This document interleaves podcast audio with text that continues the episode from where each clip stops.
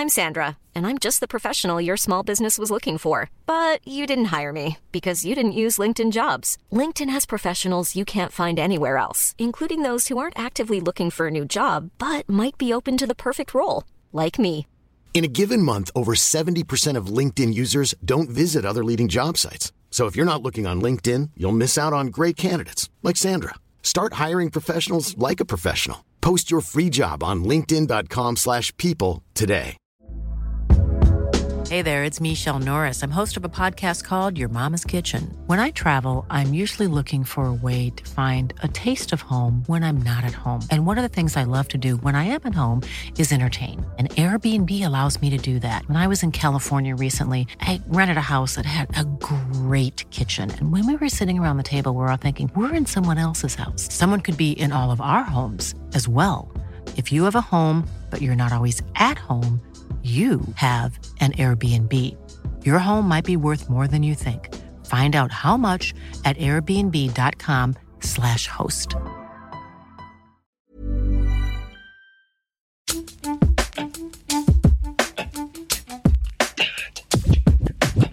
Välkomna till avsnitt 115 av Britta och Parisas podcast. Varje vecka om de mest brännande ämnena, en nysning slank med där. Och den här veckan blir det allt ifrån, men ni vet, Petri Guld-haveriet till den här intervjun med Fredrik Federley hos Carina Bergfeldt. Och Britta, vad tar du upp? Eh, Jag kommer att prata om eh, någonting som du har hållit ifrån mig som jag är sur för. Eh, Det blir i slutet av avsnittet. Innan dess så kommer jag prata om vettiga och mindre vettiga val av DN-redaktionen. Välkomna!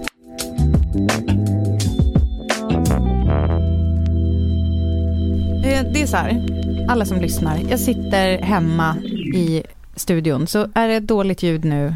Den är i alla fall inte bak och framvänd micken som den var förut när det var folk som klagade på dåligt ljud. Då hade Kalle satt den fem bak och fram. Eh, Alltså det pratas för lite om att eh, det upplevs, det kan uppfattas som att vi har hemmastudios, liksom Jay-Z har det. Eller Sara Larsson till och med tydligen. Ja, jag har det. faktiskt exakt eh, likadan studio som Jay-Z och Sara Larsson. Ja. Men det är en stor dag för gården. För det är premiär idag när vi spelar in det här Ja. avsnittet. Mm, stort. Hur känns det? Det, det känns kul. Jag är också lite kränkt för att eh, förra året så var Ja. det folk som... Såklart. Alltid, Så alltså, snabbt. Kränkt. grundkänsla. Alltså kul, men alltid, det finns alltid något att vara kränkt över. Ja, Ja. verkligen. Nej, men eh, förra året så var det i början av att vi började hålla karantän. Och då var det ju folk som Mm. hörde av sig vid lunch och bara, nu har jag klämt alla avsnitt. När kommer nästa säsong? Och nu är det ingen som har hört Ja. av sig än. Och då börjar jag, istället för att känna pepp, det går ju på tv först ikväll, så känner jag mig kränkt över att ingen har streckkollat allting än. Tycker väl att det var dåligt. Ja men ni fick sån jävla respons första gången och då kan man ju bli bortskämd med respons. Och det har Ja. alltså gått, eh, nu är klockan 12.38. Det har legat ute i över 12 timmar nu, kan vi gissa Ja. det? På SVT Play. Mm, Det släpptes ju i natt klockan två, så det är snart Hela säsongen. Eh, det finns två saker här.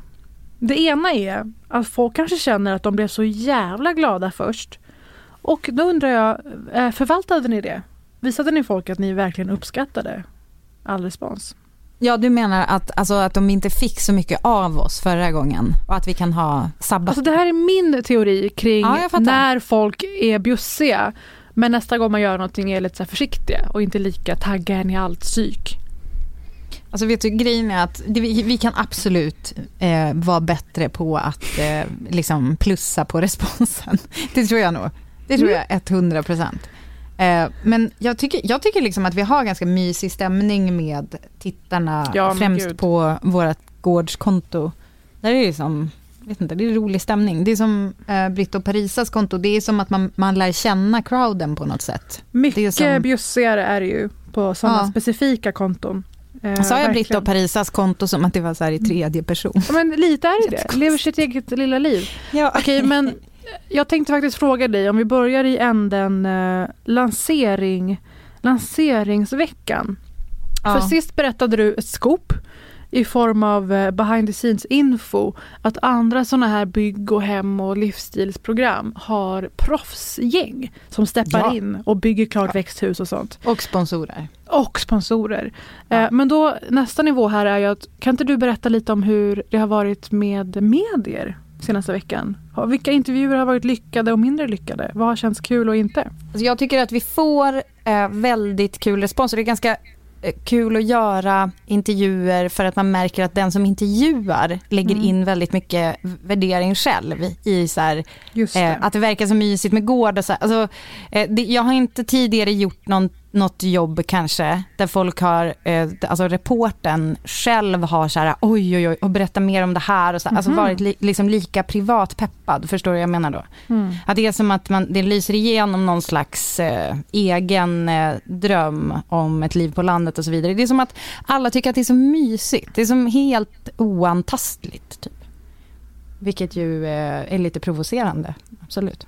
Provocerande? Alltså, ja, men du, ja men jag mår ju ganska, uh, jag kan må ganska dåligt över att eh, delta i något som mm. är onyanserat. Mm. Det, det, vet ju du, alltså, och jag tror också alla poddlyssnare, men jag tycker liksom att det blir jobbigt när det blir för ljugigt och sådär. Och, och det är ju därför vi visar ju upp väldigt mycket i serien, men det är ändå som att folk bara, gud vilken idyll och gud vad härligt för era mm. barn. Men det blir ju endimensionellt ja. Alltså ja. folk är redan upprörda över att vi har, det har blivit en liten minikontrovers nu på Aha. förmiddagen för att vi Berätta. avlivar en tacka.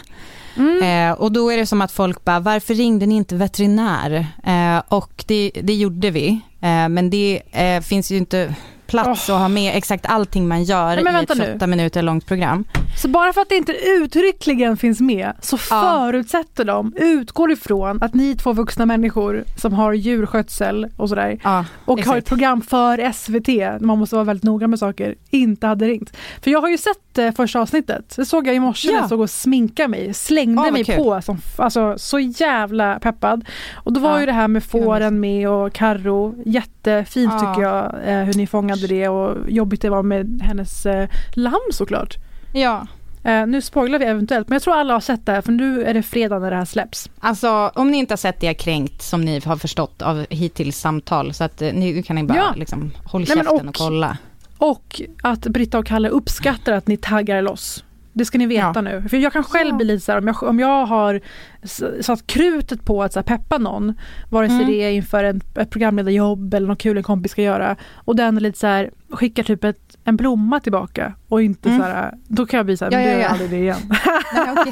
Nej, så det var högst personligt det här, eh, den här reflektionen. Men det andra med det här första avsnittet är att du och och eh, Essa har mer eller mindre byggt eller kommit på idén till vad som kan bli en gymnasielinje. Vilket är det? En skolinriktning. Det finns ju skolinriktningar och gymnasielinjer och förskolor för allt möjligt nu. Tragiskt, det är ju en del av det här med privata skolsystemet. Ja, du menar att barnen ska drillas och bli proffspersoner från tidig, tidig ålder? Att de ska Entreprenörsförskola. Ja. Eh, det finns det, så här, det, finns ett, skolsystemet nu bygger ju mer och mer upp det här att det är, ojäm, alltså det är ojämlikt helt enkelt, vem som får vilken utbildning och så. Och då kände mm. jag att ja, men då är det här i alla fall ett bra komplement, att vi lever i den här dystra, dystra tiden, men att det här kan komma att finnas. Ja. Vi är prinsessbyggartjejer. Men alltså vilken innehållshjärna redan på Essa. Hon förstår att det här är, det här är lysande content. Prinsessbyggartjejer. Alltså det är också, eh, det, det, kan också vara ett resultat av Essas föräldrar som har kommit på att man måste liksom sälja in saker tillräckligt okay. bra för att de ska vara intresserade. Hon är så bra i alla scener. Jag har ju bara kommit in på avsnitt två i och med att det är samma dag och sådär. Men prinsessbyggartjejer, man kan ju se det framför sig i och med att tjejer som söker utbildningar inom bygg och sådär tycker att det är så jobbigt att vara i den här miljön. Det är mycket mansdominerat och förlegade attityder. Förena saker. Både uppvärdera ja. typiskt kvinnligt, Vare ja. alltså, allt som råkar tolkas som det, omhändertagande och sånt som man tycker att alla borde ha koll på. Och, och så bygger på det kunna slipa kommer, en grej. Vi kommer förmodligen att återkomma till just det där med omhändertagande, att det på något sätt ska vara en, ett kvinnligt eh, drag. Men jag vill säga någonting om, alltså, efter i svallvågorna av metoo så var det ju en massa olika branscher som gick ut och berättade om hur det var i deras bransch. Alltså till exempel väldigt, eh, tror jag, top of mind för alla tystnadtagning som var inom eh, skådespelarskrået. Mm. Eh, och eh, det kan ju finnas en del bitar som kanske inte riktigt nådde samma publika eh, resonans eller vad man ska säga. Men eh, det, alltså, det var byggnadsgäng som gick ut och pratade och det var ju typ de sjukaste historierna vad jag minns. Mm. Alltså verkligen så här att det som händer, eller i alla fall att det är liksom lite mer uttalat, att det händer liksom rakt ut i öppna rum och sådär. Så det tror jag absolut att det finns ett jobb att göra och kan jag och Essa Gå i täten! Gå i kan jag och Essa bära den här kampen? Ja, är det det du försöker ja. säga? Ja, det, det gör vi ju gärna. Men det här sen är ju alltså sen, Parisa, sen kommer de ju inte vilja ha oss för att Nej, vi bryter ju säkert nu. mot typ tusen olika regelverk kring eh, arbetsplatssäkerhet och skyddsutrustning och så vidare. Men det är en annan femma. Det men är, kan, prinsessan kan inte nu. hålla på med allt. Vänta nu, alltså det här är ju en riktig spin-off. Britta och Essa gör, normaliserar att tjejer är prinsessbyggartjejer. Att det är, inte, det är inte motsatta saker, det är o, inte oförenligt. Men framför allt så kommer jag att tänka på nu att det kanske finns en jättestor lobbygrupp där ute som motsätter sig att ni visar att alla kan det här. Mm. Den här bilden som har funnits av att det är bara hantverkare som ska, ska ja, göra så här. De, mm. de har ju bibehållit, bevarat deras position och nu kommer ni och ra raserar det. Det. Ni är som man säger i biz-världen på engelska, disruptive. Mm. Kommer Snart kommer vi och... få hotbrev med så en klump cement, o, oste, ostelnad cement. Vi är frätande. Ni går i täten, ni tar kampen för oss andra. Jajamän. Men se allting, allting ligger ju ute redan. Hux flux, ja, det låg det där. Ett ja. års jobb bara. Det är så sjukt hur tv funkar. Ett års jobb, pang. Åtta avsnitt, en dag. Jag hoppas att prinsessbyggartjejer hör av sig till oss och bara berättar. Alltså typ hur det är att vara, det vill jag veta. Alltså på Britt och Parisa-kontot till exempel. Om hur det är att vara prinsessbyggartjej. Men då menar vi faktiskt byggtjej och bara råkar vara tjej. Om ni, om ni dessutom, ja, om ni dessutom råkar liksom bli uppvaktade av prinsar från andra länder och måste klippa band och sådär, då är det en win-win. Mm. Men Exakt. även ni som inte är formellt prinsessor, högst välkomna. Bara kort om min rygg nu. Mm. Oh, Famous ja. last words. Kort nu. Ja. Uh, jag sitter ju nu i vår studio där vi spelar in ensam, du hemma. Och uh, jag har ju inget förband längre på ryggen. Det var ju kanske, alltså att gå upp med en stor plastmanik på ryggen hela tiden var ju lite jobbigt. Uh, så nu känner jag mig liksom så rörlig och härlig. Som en, en gamling efter en höftoperation nästan. Typ så rörlig också. Så vad skulle jag säga med allt det här? Jo. Har du haft ett operationssår någon gång? Nej. Du har aldrig behövt ta bort ett förband som har suttit där i några veckor? Nej men jag vill, alltså är det någonting som Är det någonting som ratas högt mm. på min intresselista så är det operationssår. Jag vill veta allt. så, fan. Vad är det här för, vad är, vad är det för Brinner det? Kommer det vätska ur? Måste du ha drän? Oh, har... Och blir det en svanktatuering? Det är ju det. Det är ju det. Först och främst förbandet. Det rykte med hjälp av min älskade svägerska. Jag gjorde misstaget att lukta på det. Oh! Det här är ett, ett varnande vänta, vänta, vänta, vänta. Du måste walk us through it. Nej. Du, har, du har ett förband, det sitter ju på ryggen så du har ju inte kunnat lukta på det innan. Det åker loss. Mm. Vad är det då som gör att du bara så här, inte, ja. det, det, hade kunnat ryckas loss, segla iväg över rummet, rakt mm. ner en slam dunk i papperskorgen.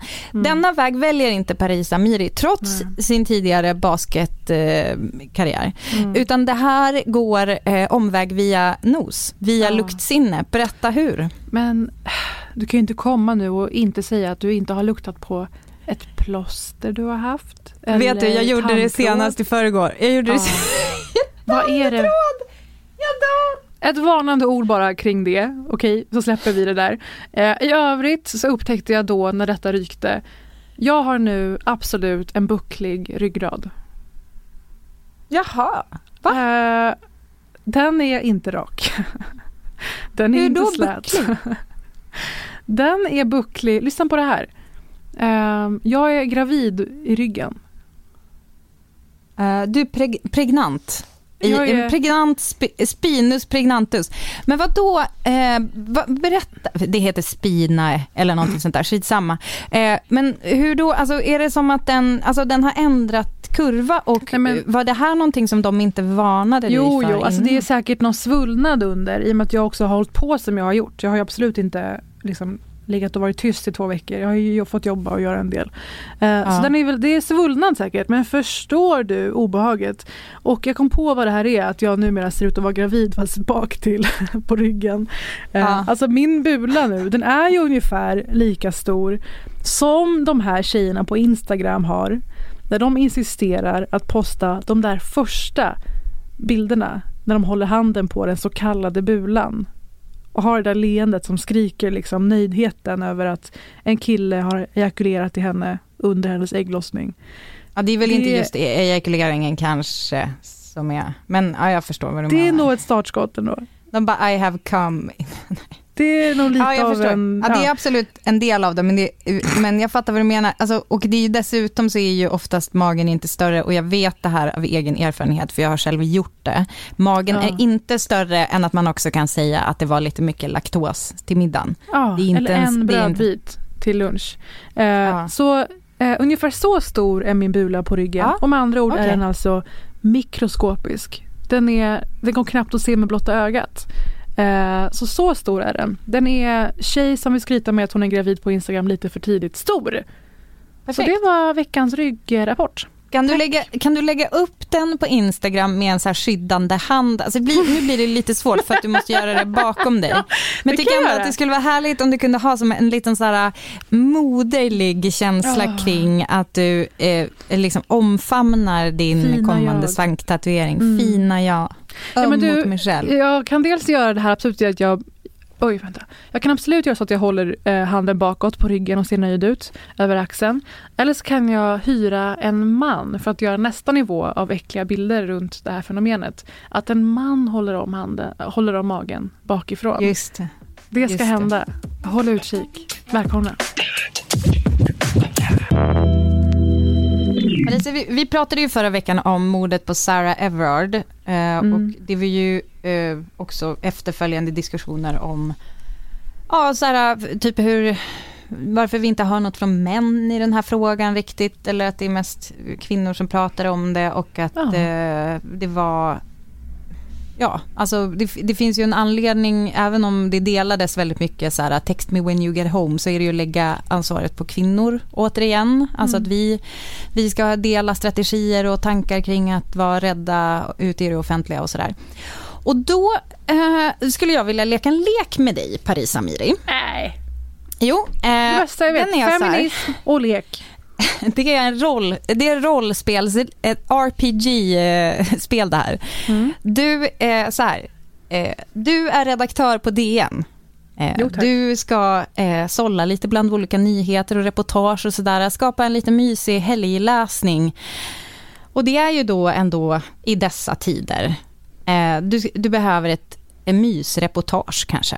Eh, långläsning inför helgen. Och då, givet hur nyhetsveckan har sett ut, eh, då undrar jag vad du väljer av följande. Åh, nej. A. Eh, Alternativ A.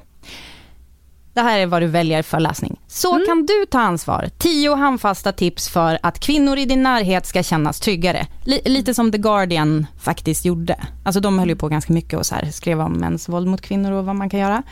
Eller så kanske kände så här, ah, det där, folk vill inte läsa mer om våld eller sånt. Så då eh, kanske du väljer eh, alternativ B. Fem jättegoda påskrecept som inte sölar ner tangentbordet under din videolunch med släkten.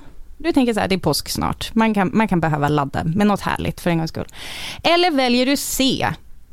Att göra ett åtta sidor långt mysreportage med två män som pratar om dragningen till våld som en närmast sexuell upplevelse. Vilket väljer du, Paris Amiri? Ja, jag Parisa Amiri är i talande stund inte redaktör för Dagens Nyheter. Varken är jag kopplad till tidningen som skribent, vilket jag själv tycker är, intressant.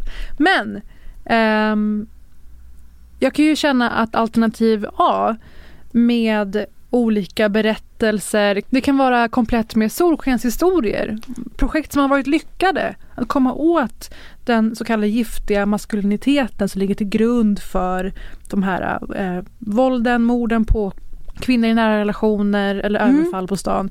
Man kan göra så mycket mer än att bara lägga upp en lista. Jag, jag, jag tycker att alternativ A har en angelägenhet och att det mm. faller i god jord hos alla kvinnor som har varit rädda i veckan, som har tvingats tänka igen på alla gånger man har varit rädd och panikslagen och ledsen.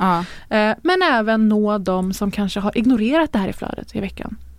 Ja, och kanske också typ, ja. Ja, men eh, det, det, skulle ha varit bra. Det här är inte vad DN gör. Nej. I verkligheten. Eh, det DN gör, det är att de publicerar en eh, åtta sidor lång artikel med rubriken De utforskar mäns lust till våld och slagsmål. Mm. Och så handlar det om programledaren och kappsportaren Musse Hasselvall eh, och hans barndomsvän Robert Svensson som har eh, skrivit en bok. Jag läser ingressen.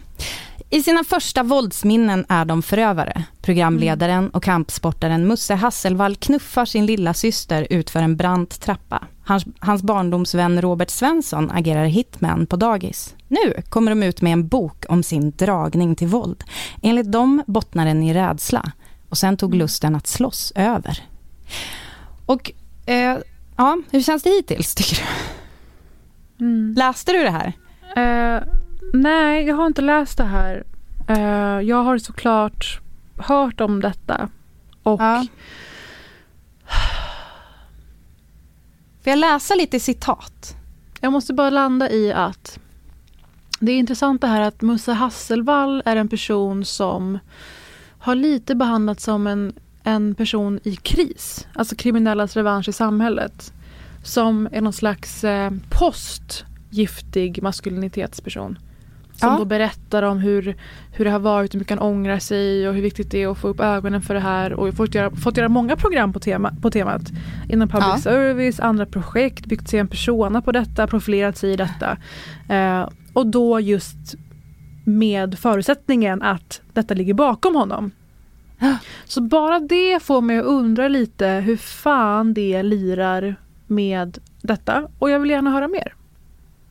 Ja, um, alltså uh, till exempel då, jag, jag, jag, kan läsa lite citat och det här mm. är uh, Eh, Karin Falk som är en lyssnare som jag också känner, eh, som hon eh, la upp det här på Instagram eh, och det var så jag liksom, först läste jag det eh, från henne, hon bara, hur, liksom, hur är det här möjligt att, att det här får bre ut sig utan typ en enda kritisk fråga och sen så väntade jag liksom in stormen. För jag tänkte så här, den kommer väl. Alltså det här kommer ju folk reagera på. Inte jättemycket kritiska röster har hörts kring det här. Eh, men Maria Sveland la upp eh, en grej om det och det kommer jag också eh, berätta om lite kommentarer som kom in till henne. Mm. Men i alla fall så kommer det lite citat här.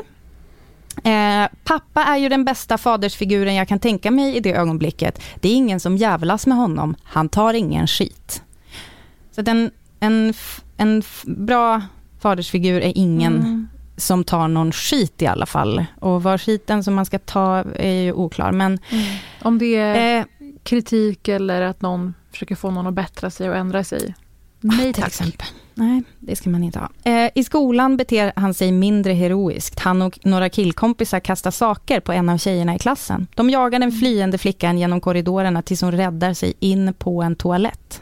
Mm.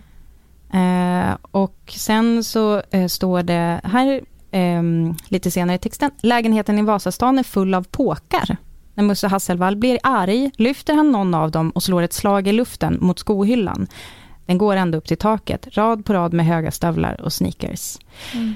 Um, alltså, uh, det, det, där tycker jag är lite så här Ola Rapace-känsla kring att veva runt med en påk i luften. Om vi bara ska uh, återkoppla det kort så kom ju det upp apropå att alla kvinnors hus, alltså kvinnojouren, den första och största som man kan följa på Instagram och stötta och sådär.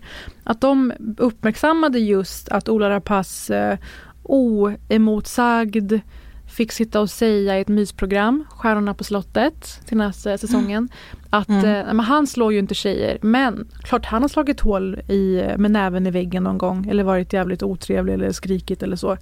Mm. Parafraserar nu ur minnet.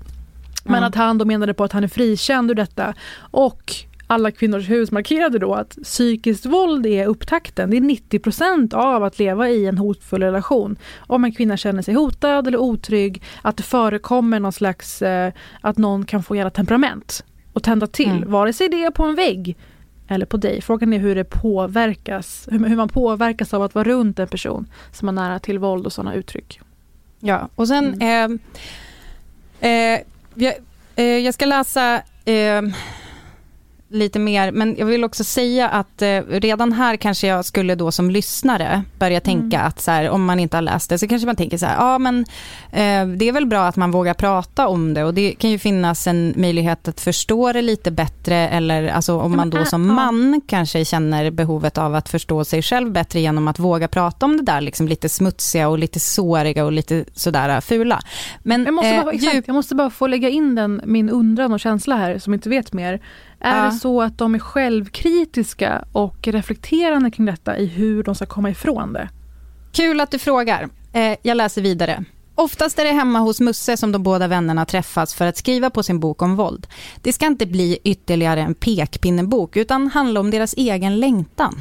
De är medvetna om skadorna som våldet orsakar offret men den här gången vill de utforska den andra sidan av myntet. Lockelsen och lusten hos förövaren. De ser det som en viktig pusselbit som många helst blundar för. Maria Sveland eh, la ju upp det här då på sin eh, Instagram eh, där hon också eh, lyfte följande citat. Våldsamhet är som sexualitet, en drift. Annat mm. citat. Jag skulle säga att våld är förlösande. Känslan i kroppen efteråt är inte olik den efter mm. att man har haft väldigt intensivt sex. Det är ju väldigt intressant i en tid när man är ganska, vi pratar ganska mycket om våldtäkter och så vidare mm. och så ska man ändå liksom ganska hyfsat oemotsagd eller vad ska jag säga, inte så mycket kritiska nyans. frågor ställs mm. kring det här. Det finns inte så mycket nyans exakt. Och jag tycker att det var en eh, så bra kommentar här på Maria Svelands i kommentarsfältet. Mm. Det är en som heter Helena som skriver, kan vara ute och cykla nu men läs mycket om beroenden och medberoende eh, mm. och dess bakomliggande orsaker. Det finns så många former av beroenden. Droger, arbete, shopping, sex, relationer och vad jag fattar så kan man bli beroende av nästan vad som helst. Då orsaken till beroendet är att man behöver döva den smärta över vad de otillfredsställda behov som man bär på, men inte kan komma åt och möta och ta hand om. Att då använda sig av våld för att, som de säger, efteråt uppleva en så stark känsla av tillfredsställelse, mm. ligger helt i linje med självmedicinering av ett känslomässigt trauma. Det är kicken, euforin, oavsett hur du skaffar den, som för en stund lindrar dina själsliga sår. Eh, synd att man inte, inte kan lyfta dessa dysfunktioner eller ja, det den här personen försöker säga är ju också liksom att det saknar ju ganska mycket en självinsikt här tycker jag.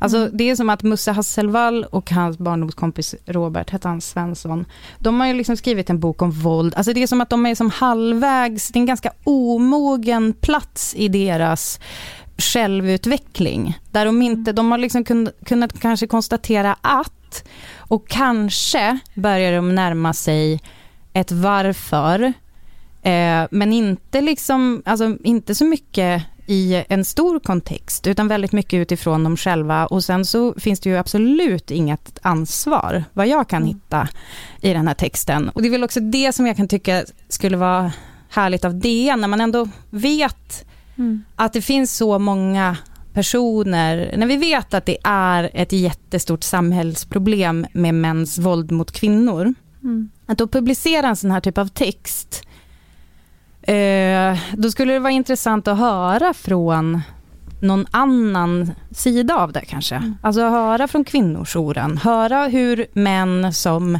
mm. eh, liksom är våldsamma mot kvinnor i nära relationer, hur de eh, motiverare, hur de eh, försöker att eh, eh, svära sig kanske fria från sitt ansvar, eller att just säga det där med att det är en drift, det är ju att ta ifrån män så otroligt mycket egen agens på något sätt. Att det är som något biologiskt inom dem som måste, alltså det är ju som det där med att tjejer får inte ha korta kjolar, för då kommer killar att vilja ligga med dem. Att det är en naturlig drift ja. Det, dels Ja. är det obehagligt att man framhåller det på något sätt. Det tycker jag är extremt eh, bakåtsträvande faktiskt och skadligt. Men sen som du säger, att du måste nästan leta efter försök till självkritik, självinsikt och nyans. När det borde vara hela utgångspunkten. Det borde vara hela utgångspunkten för intervjun och texten. Nu är det som att den här texten och den här boken eventuellt då befinner sig i ett vakuum. Som att det inte vore ett av de svåraste, mest skadliga samhällsproblemen vi har. Och som vi har lagt så jävla mycket tid att diskutera de senaste tio åren ju. Är det mer i framkant den här diskussionen. Vilken värld befinner de sig i? Vilken be- värld befinner sig bokens upphovsmän i? Jag blir jätteförvånad över inte bara tajmingen den här veckan. Tajmingen i vårt tidevarv. Den här sidan sekelskiftet. Alltså förlåt, jag måste läsa ett till citat. Alltså jag, må, jag måste läsa ett till citat, bara så att du förstår så här på, alltså om vi säger så här, jag, jag läser inte upp hela artikeln, absolut, men när det finns tillräckligt många citat av den här typen, Mm. eh, så, så förstår du liksom hur artikeln ser ut i stort. De jämförde liksom med eh, känslan av att spela ett tv-spel, att man får se hur mycket kraft ens avatar har kvar. Eh, varken Musse eller Robert är beredda att avstå en sån superkraft. Våld är effektivt och berusande, ofta förenklar det tillvaron och det ger dem mycket nöje. Att leva ut och hänge sig åt sin lust att slåss är skönt. Jag vill absolut inte bli fri från min dragning till våld. Den är ett jättebra verktyg att ha i verktygslådan. Det är en stor del av min personlighet. Men jag vill motstå impulsen att använda den för att skaffa mig fördelar i kommunikationen med andra människor, säger Mm. Robert. Motstå impulsen. Oh, Okej. Alltså det här är... Är det, är det jag som är trög eller är det här Ah. typ världens konstigaste sätt att försöka liksom... Alltså, Är det- du, alltså, sitter, och, sitter ja. du och läser i en tidning från 1924? Är det det du Nej men gör? alltså, Eh, Parisa, det- vänta, har, det nej, Britta, här- nu har du gjort ett misstag här. Det här är alltså inte en tidning från 1900... Nej, det här är alltså inte en tidning från 2021 utan från 1921. nej men alltså tänk, by, försök att byta ut det typ mot eh, kanske alkoholism. Ja. Eller alltså så här, alkohol. Jag vill absolut inte bli fri från min dragning till alkohol. Det är ett jättebra verktyg att ha i verktygslådan. Det är en stor del av min personlighet. Och sen Ja. anledningen att motstå impulsen för att skaffa mig fördelar i kommunikationen med andra människor. Man bara, okej så du har liksom förstå, alltså på något sätt kan du ändå intellektuellt förstå att det inte är hjälpsamt för dig att vara så här våldsam. Ibland i så intervjuer så kan man känna lite så ömhet för den som intervjuar, så bara, åh nej den här vet inte vad det här går ut på. Alltså den här vet inte att man inte kan säga så där till så här många människor. Det kommer, det kommer plockas ut och blåsas upp och så här. Och sen så händer ju inget. Alltså det, jag får lite, jag, så här, två saker händer med mig när jag läser det här. Alltså förutom en slags bubblande eh, oförståelse kring varför DN har valt att publicera det på det här sättet. Alltså fanns det inga frågor och, som problematiserar den här dragningen till våld lite tydligare och fanns det ingen, inget behov från dem att ta ett ansvar? Vi får se helt enkelt om det blir så att Ola Rapace är inläsare av ljudboken. Av denna. Förslag annars. Förslag.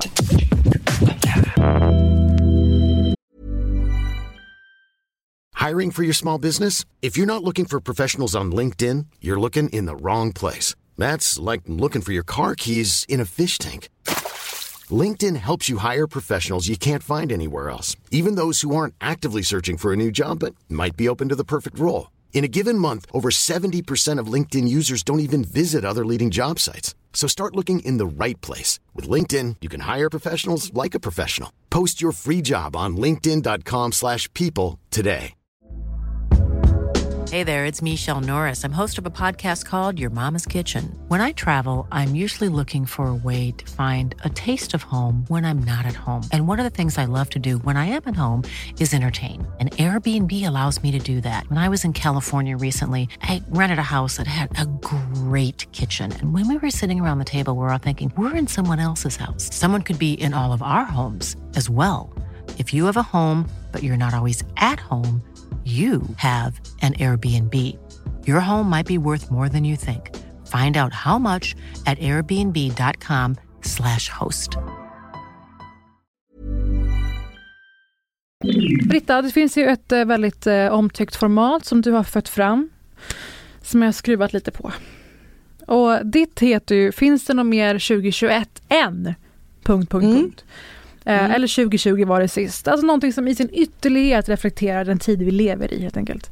Och Verkligen. Jag har fångat upp några grejer i veckan som, på, som i sig är ytterligheter för antingen liksom kanalen det har sänds på, institutionen bakom det eller personerna som pratar i rummet. Att här är det deras koncentrat på något sätt. Så jag vill helt enkelt lyfta de här olika sakerna som jag har rockat på i veckan och många andra med mig och få bolla det med dig. Jag skulle vilja sticka in med ett förslag mm. eh, på en alternativ, eh, ett alternativt format. Eller så här, finns det något mindre 2021 än? Eh, eller vad vi skulle kunna kalla det för. För jag, jag fick i veckan ett mail från SAS som eh, ville tipsa mig om att boka mina sommarsemestrar innan den 26 mars. Mm. Det kändes som så otroligt sad eh, att de liksom bara, ja, kriga på. Och det kändes så jävla oförenligt med eh, tiden. Alltså det var som så här, SAS lever ni under en sten? Ja, bevisligen.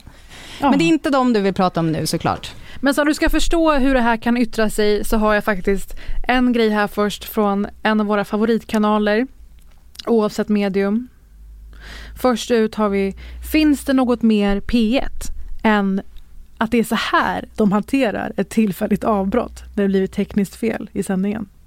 Oj, oj, oj, oj. Hur mysigt? Jag hoppas med tystnad och harkel. Är det något annat vill jag inte vara med.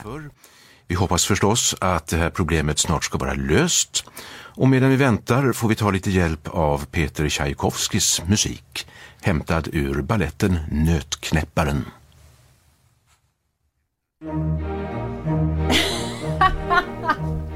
Hur underbart? ja. Jag ja, älskar dem! Det var så jävla kul, så jävla on-brand. Ja, nötknäpparen. Alltså, de, nu ska folket, nu har vi en chans att bilda folket. Vi, vi missar inte en chans att bilda folket. Folket ska bildas till varje pris. Är det tekniskt fel, då skriv in nötknäpparen! Varsågod. Alltså mitt mellan två telegram i den här nyhetssändningen klockan tre på eftermiddagen slänger man in nötknäpparen istället för någon liten trudelutt när det blir tillfälligt Men det roliga, avbrott. Men det roliga är ju att de har, de har ju det där, det där bandet har de ju redo att slänga in och då är det ju, ja, alltså eh, Nötknäpparen är ju tyvärr dock en klassisk julballett. Mm. Eh, så det är ju lite tråkigt, alltså lite unseasonal eller vad man ska säga. Men absolut, det är det är ett förinspelat meddelande, vi kan köpa det. Mm. Det känns tryggt att saker och ting ändå finns där redo att rycka in när mm. saker går åt skogen, eller hur? Nej, det är P1 som, eh... får inte förändras. Det måste Nej. förbli. Kanske någon nyansering vad gäller vilka som får yttra sig i radio, om du förstår vad jag menar, bakgrundsmässigt. Men det här ska förbli. Det var P1 och nästa sak är, finns det något mer TV4 än denna ovilja att säga något eventuellt snuskigt eller provocerande i deras härliga Nyhetsmorgon. jag skrattar redan. Och det här är ju från Jenny Strömstedts heliga lördagssändningar och det, hon är ju den som sticker ut i det här. Annars ska det vara ganska småputtrigt, försiktigt, härligt, väldigt sällan skava på något sätt. Och det här är från en intervju med en gynekolog. Och hon får en ganska viktig fråga kan jag tycka, om kvinnors underliv. Ja, vad skulle du vilja kalla liksom det vuxna kvinnokönet för? Eh, det är en jättesvår fråga. Alltså jag är uppväxt med ordet kussimurra, så det är det som används i min familj. Eh, alltså jag tror att kussimurra, det är vad jag kan tänka mig att Johan Rabeus kallar liksom en fitta han ska gå ner på. Nej men snälla och där sa jag det var det den snuskigaste personen jag kunde tänka mig i hela Nej, Sverige. Men det här, alltså, för det första, det här är efter en lång intervju där den här kvinnan har verkligen pratat om alltså, riskerna med de här produkterna som säljs parfymerade för att kvinnor ska tvätta sig i underlivet. Som alltså lever på kvinnors osäkerhet kring eh, underliv och sådär. Och det, mm. Hon var så jävla vettig och bra och hon pratade om slidan och hon pratade om flytningar, hur viktiga de är. Så jävla mm. off-brand att en kvinna, en gynekolog, i sitt yrke medverkar i en intervju och får frågan om vad, en, vad ska vi kalla det vuxna kvinnliga ja. könsorganet? En väldigt viktig politisk fråga. Och svarar ja. då Kussimurra, i min- säger vi i min familj. Och sen skrattar Jenny lite för hon ser ut att vara helt otroende till att det här händer. Alltså Jenny ser helt perplex, perplex ut. Är det här den här vuxna tjänstekvinnan, yrkeskvinnans svar på en så otroligt politisk viktig fråga? För det här går ju hand i hand med varför kvinnors vård och hälsa är underprioriterad, är underfinansierad. Det finns inte så många studier på kvinnans anatomi och liknande. All eh, sjukvård utgår ju från den manliga kroppen originellt. Det här vet vi ju. Och man ser att Jenny sväljer en chock här, att hon säger kissamurra. Det vuxna könsorganet, det är ett namn på när någon kanske går i förskolan och kanske har en urinvägsinfektion, svider det i frammen, sa man då kanske. Nej, frammen säger man inte, man säger snippa. Det, det är Numera, vedertaget men för barn. på min tid sa man frammen. Svider det Ah, i frammen? Man bara, men säg, det svider är bara en sida av kroppen. Ja, Ska vi säga en exakt. sida av kroppen för våra könsorgan? Jag tycker det är så Nej, men- jävla viktigt. Alltså, jag gapade i soffan. I- Alltså jag håller med dig till 100 procent. Jag tycker, jag tycker liksom eh, lite att det är konstigt att det är en fråga. Samtidigt så vet jag Ja. att det är det. Det har varit omröstning i Aftonbladet, där har vi pratat om tidigare. Eh, alltså på senare tid, alltså i modern tid har det varit omröstning i Aftonbladet vad man ska Mm. kalla eh, könsorganet och då kommer man ju fram till snippa och det är ju, det är ju vad barn, det är inte vad jag säger i ja. sex bara, eh, eller hos gynekologen bara min Exakt. snippa typ. Ja. Men eh, det är kul att du eh, tar upp det här för att min, och eller förlåt att, att Jennys eh, Kul att Nyhetsmorgon tar upp det här för att eh, jag brukar ju tipsa om förlossningspodden, alltså Forlossningspodden eh, på Instagram och som också då eh, Surprise är en podd som drivs av Emma Philipsson som är på alla möjliga sätt vettig person och hon la upp på kvinnodagen eh, en post där och skrev håller mitt brandtal om att fitta är ordet för vuxna kvinnors Ja. snippor och inget annat, sen äter vi tårta. Eh, och jag tyckte att det var jävligt eh, gött att hon säger det. Alltså eh, vi, vi behöver ha ett ord helt enkelt. Det här är en viktig fråga. och Det är inte bara för kvinnor och kvinnors roll och betydelse förminskas och inte tas på allvar. Eh, jag är ju så anti allt det här att kvinnors könsorgan och motsvarigheter ska ha liksom en gullig egen betoning. Vi har ju snackat förut om hur mycket jag hatar när man skulle kalla det för klittra. Att onanera just för kvinnor. Det heter onanera Ja. eller runka. Lägg ner. Ja. Det här töntiga jävla dekorativa gullskiten ni håller på med. Eh, putsa pärlan är också Nej, men- så- alltså då ska vi, ska vi behöva städa även när vi onanerar? Nej tack. Det är gullfaktorn. Jag hatar Det det, är här inget som påhittet. putsas. Eh, så här, när man ligger, då säger man fitta. När man går till en läkare, då säger man vagina. Och folk blir så här, men vadå, vag- vagina är inte exakt det anatomiskt. Men är kissamurra det då anatomiskt? Nej, Kussimurra. inte. Kussamurra! Finns det något mer P3 än den otroligt ängsliga, ogenomtänkta hanteringen av Yassins P3 Guldvinster?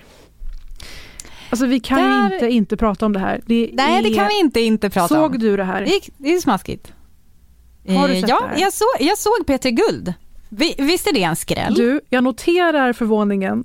Jag Ja. noterar tonen i din röst av att mot alla odds. Berätta varför det var mot alla odds. Eh, det var, nej men alltså inte vet jag, en lördagkväll. Men det var verkligen så här, eh, alltså typ att jag, eh, alltså jag har inget liv. Eh, Jag ville göra något kul på lördagkväll. Det blev titta på Peter Guld. Jag, jag ville ju liksom se, alltså främst så tyckte jag att det var väldigt spännande att se hur de skulle lösa hela grejen. Alltså jag tyckte typ att det var som en adderad kul faktor att det var eh, karantänvibbar på hela eh, konkarongen. Tyckte att Oscar Sia och Emma Molin var väldigt bra. Så här är det att Yasin är numera åtalad för diverse eh, grova brott.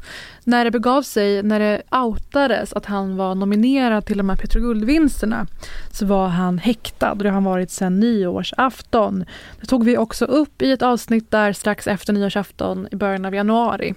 Och då pratade vi framför allt om hur en institution som till exempel Spotify ska agera utifrån det här och vad det innebär för andra som har gjort sig skyldiga till brott. Alltså det är en ganska stor diskussion helt enkelt på en, ett, ett större Ja. plan så att säga. Ehm, Och du har rätt i det att det var ju en viss pull i att se Petri Guld. Hur ska de göra? Och det mm. måste ju Petri ha insett. De har varit principiella från den dagen tills nu. Att det här är alltså en jury som frikopplat har nominerat utifrån bara musik. Och det måste de vara fria att göra. Då har mm. de tagit sig det anspråket, tagit den principiella kampen för att baila ut i sista stund. Och det som många har kritiserat är då hur man komprimerade kvällens två av de största kategorierna som Yasin var nominerad i, alltså både Årets artist och Årets hiphop slash R&B. Hur man komprimerade detta jämfört med andra kategorier som Årets pop, där det var en stor eh, nomineringsfilm, man fick se att vardera nominerad satt i ett varsitt rum på hotellet. Inte ens de nominerade i övrigt fick synas. Så här lät det.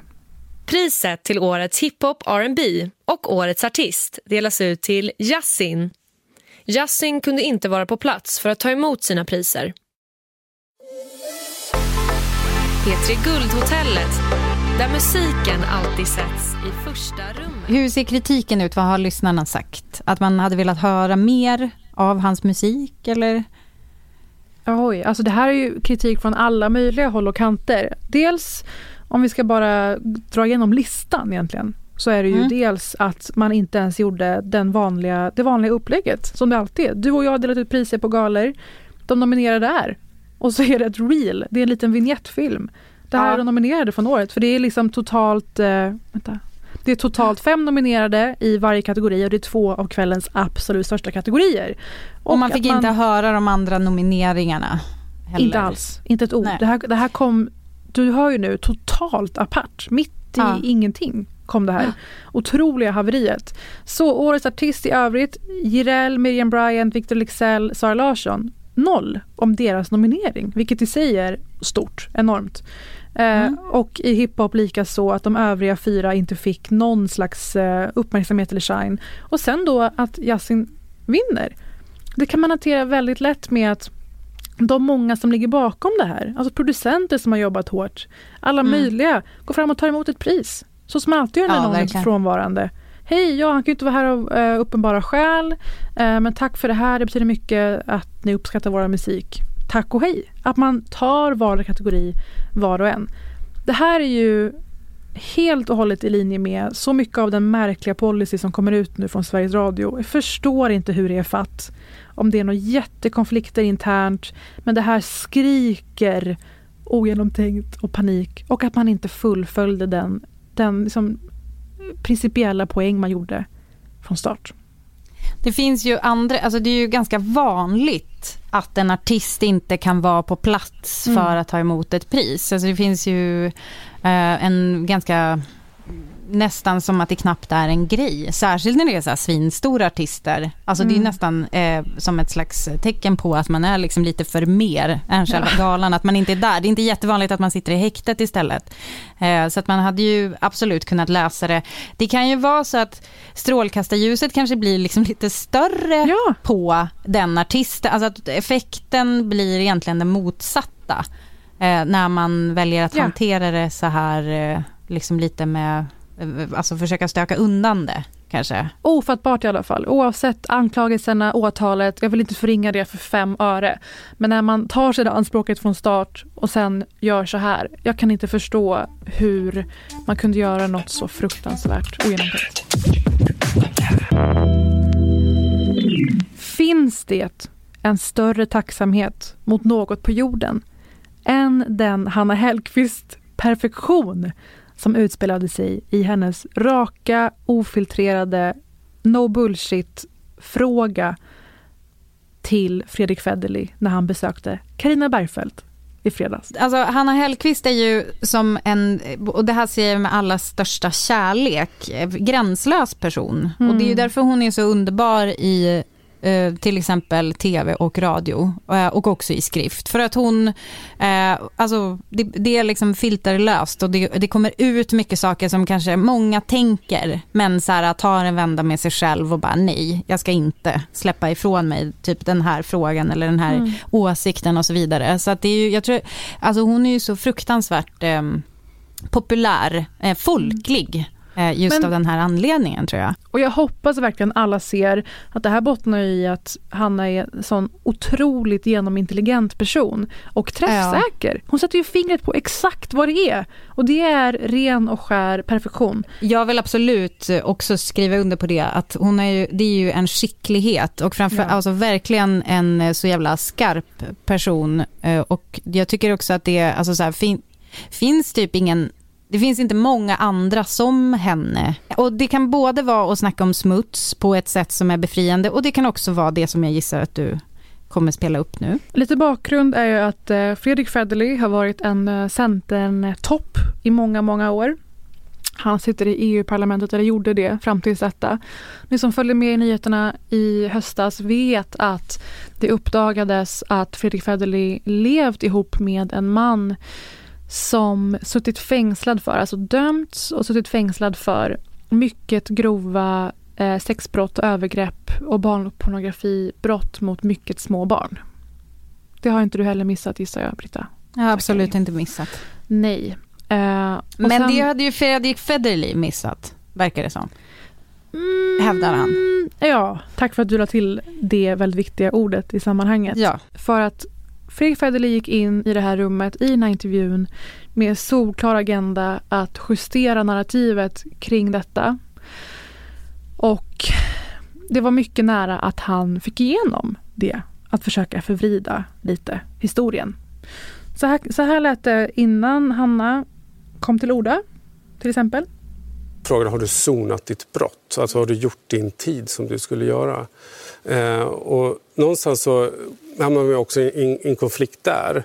Ja, det här skulle ju kunna vara en fara för mig politiskt och det såg vi att det blev. Mm. Och jag förstår att det är lockande med toppolitiker och pedofildom i samma rubrik. Liksom, jag har själv varit på tidning och själv varit på radio. Jag förstår lockelsen i det. Alltså ursäkta mig, mm. men du, har du sonat ditt brott? Mm. Alltså vad, vad fan är det för fel på människan? Är det, har du gjort det här? Har du legat med barn? Eller liksom har du, har du hållit på med det här? Är ju det som är den självklara anledningen att ta avstånd. Inte för att det är liksom medias fel att det är liksom smaskiga rubriker med en politiker och pedofildom i samma rubrik. Alltså det, är, ja. det vi får veta i intervjun, det som Fredrik Federley själv berättar, är att han fick veta att den här mannen suttit i fängelse ja. i juni månad. Ja. Och att de som sagt då gjorde slut i november. Mm. jag ska inte mm. föregå liksom allt som kommer nu men han får veta att den här mannen suttit i fängelse i juni. Ja, men så, begränsad, så begränsad ska hans eh, kunskap vara då. Att en man som man precis träffat säger du, jag har suttit fängslad tills ganska nyligen. Och tänk dig att du då inte frågar hur länge, eller för vad och varför. en person satt, som du har bjudit in ja. att bo med dig i ditt hus.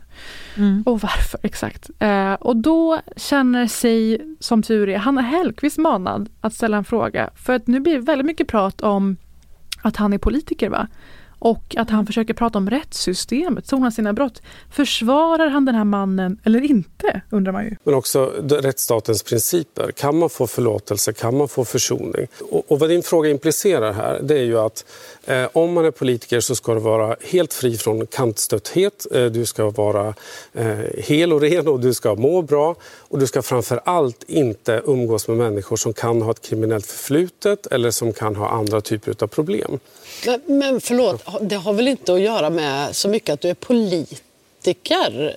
Som jag, alltså, frågan är väl mer varför ligger man med någon som har legat med barn? Alltså, förlåt, men, jo, men det, kommer ju inte... från två olika håll. Det vet ja. inte jag då. Eh, ja, tack. Tack Hanna Hellquist. Tack, tack Mvh Hanna Hellquist. Sverige. Mm. Och jag älskar att hon säger så här att hon säger frågan är väl. Det är som att hon i realtid kommer med feedback till Karina och redaktionen. Frågan är väl varför ligger man med någon som har legat med barn? Och allt ligger där. Och sen Mm. påstår han att han inte visste det då.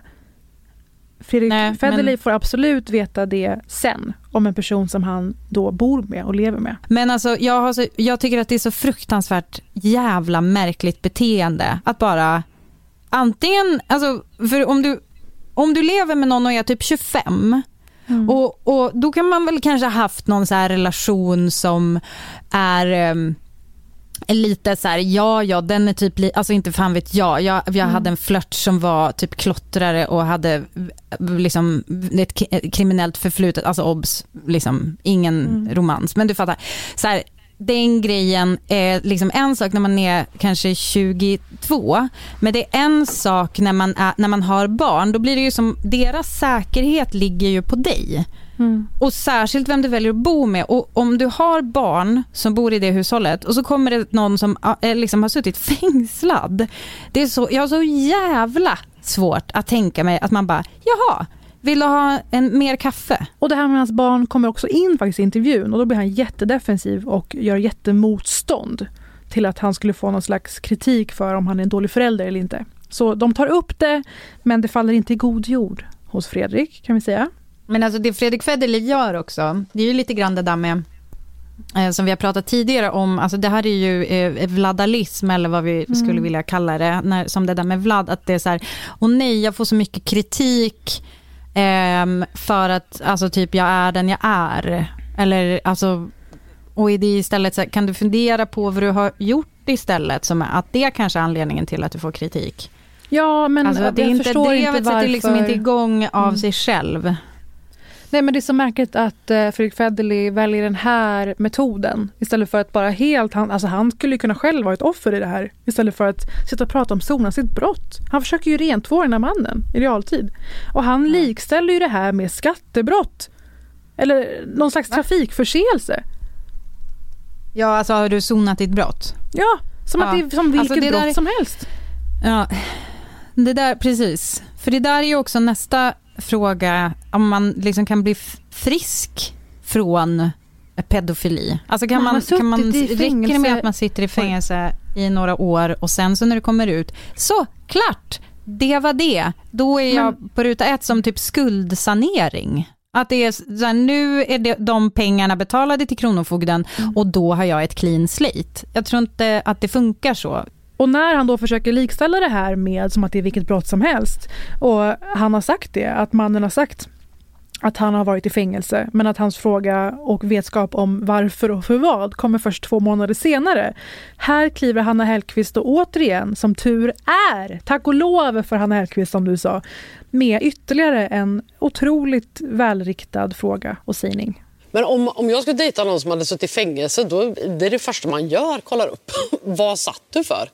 Ja, jag gjorde inte det och det, det kan vara en fel och brist hos mig.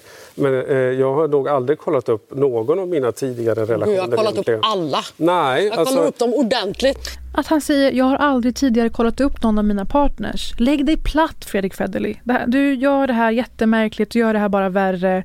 Och som Hanna Hellquist säger, tanken på att någon skulle säga till mig att de har suttit i fängelse. Jag bor med personen, månader går och jag har inte ens frågat för vad eller för hur, alltså, eller hur lång tid. Ja men bisarrt. precis som jag sa, alltså, att det är som att man bara, ja okej, jaha, jag har ju suttit i fängelse, ska, ska, du, ska du ha påtår? Alltså Mm. det är ju Nej, men- den Och han likställer, på... det, och han likställer det med att kolla upp en dejt på LinkedIn eller googla någon, hitta någons Facebook. Det är inte det. Vi, Ja. vi, pratar, inte, vi pratar inte om kolla upp liksom, nyfiket skvallrigt. Vi pratar om helt grundläggande, dels eh, oro och trygghet, sin egen familj, sitt eget liv. Och det ska mycket till för att sitta i fängelse i Sverige i flera år. Precis som du är inne på, han är ju på sätt och vis ett offer i det här. Alltså han, om han har blivit ihop med någon som under falska förespeglingar eller vad man ska säga, eh, liksom inlett en relation med honom och så vidare. Han skulle ju kunna välja att vara knäckt och bedragen. Men på något sätt så sitter han ju ändå där. Det känns ju nästan svårt att tro på att den där relationen är avslutad också. För att jag fattar liksom inte, vad har han, Han för jävla motiv att ens försvara? Ja. Ja, han försvarar En honom sista. pedofil, sitta och försvara en pedofil, det är helt sjukt. Det är också intressant det här formatet att de ska sitta tillsammans där och prata. Mm. Och tidigare tidigare så har man kanske kunnat invända mot det, alltså om det är någon väldigt utsatt person som sitter tillsammans med i någon slags myssoffa i ett sammanhang där man, Mm. alltså någon typ inte så medievan eh, som kanske ska liksom berätta om något trauma.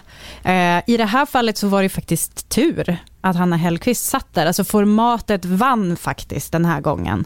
Så det ska, det ska de ha. Och på slutet där så tackar de av då, för det här var sista avsnittet i de här tio avsnitten som Karina Bergfeldt fick göra istället för Skavlan. Och då hör man Hanna Hellquist säga på typiskt Hanna Hellquist maner men när ska jag få ett program här och sitta och prata? Och det undrar fan jag med, efter, speciellt efter den här intervjun, men i allra högsta grad i övrigt. Eh, så som tur är så lyckades inte Federley helt och hållet med att försöka justera narrativet och berättelsen kring sig själv. Han kanske inte lyckades helt med sin vinkel där om att sona sina brott, som han ständigt sa, och som det slutar upp i. Du tycker inte att det är så illa egentligen då, med andra ord, i och med att du sitter och pratar om sona sina brott. Kan du bestämma dig? Tycker du att det var hemskt eller inte? Dels att som människa bara vara ihop med någon som har gjort sig skyldig till detta, gjort någon, någon illa på detta sätt, ett skyddslöst barn dessutom. Och sen andra nivån, att som politiker och förtroendevald ställa sig halvt bakom att det skulle vara möjligt att leva ihop med någon som är pedofil och som nyligen kom ut ur fängelse för brott mot så små barn. Eh, jättesynd i alla fall att det inte togs tillvara på den här intervjun. Och som du sa, tack Hanna Hellquist. Avslutningsvis så vill jag säga att jag är, jag är inte arg, men jag är besviken på dig. eh, För att du inte tidigare berättat för mig om Mapays Sensory Overload, som nu släpptes, alltså släpptes 2019, men i helgen så la eh, SVT Play upp eh, Visual Album. En halvtimmes lång njutfest. Eh, där Mapei är, alltså det, stylingen är otrolig, men det är inte det, därför vi älskar Mapei, utan Mapei är framför allt en sån jävla eh, musiker. Legendarisk.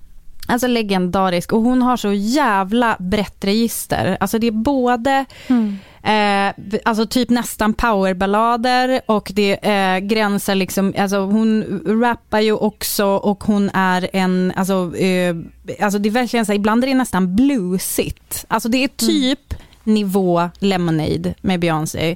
Så jag tycker att alla ska kolla på det och jag har skärmdumpat som fan och lagt upp på min blogg eh, alla snygga eh, bilder. Alltså för det är, så, Ja. det är verkligen så visuellt eh, så jävla underbart. Så det kan man ju titta på tycker jag för att eh, må lite bättre. Jag slängde mig på SVT Play och hittade det här. Sensory Overload, tack för tips Britta. Och ser här att även Moana, Erik Lundin och till exempel Sina Bosi förekommer. Ursäkta. Jajamän. Jajamän. Äntligen höjer någon nivån i Sverige. Tyvärr även Doggy Doggelito, men vi kanske, det får vara en parentes. Ja, men tack för att ni har lyssnat den här veckan och eh, Ja. ni får jättegärna följa oss på Britta och Parisa på Instagram. Det är 25 000 personer där nu. Ni är underbara. Gud vad mysigt. Härligt. Smarta, roliga, koll på allt. Tipsar oss om grejer. Fantastiskt. Puss och och kram Britta, på er. grattis till premiär Britta. Igen. Ja men tack. Ja. Tack. Och Tack för över ni som hör av er om guld. Ja. Nej men ni Hej då! Hej då! Puss! Hej då! Thank you.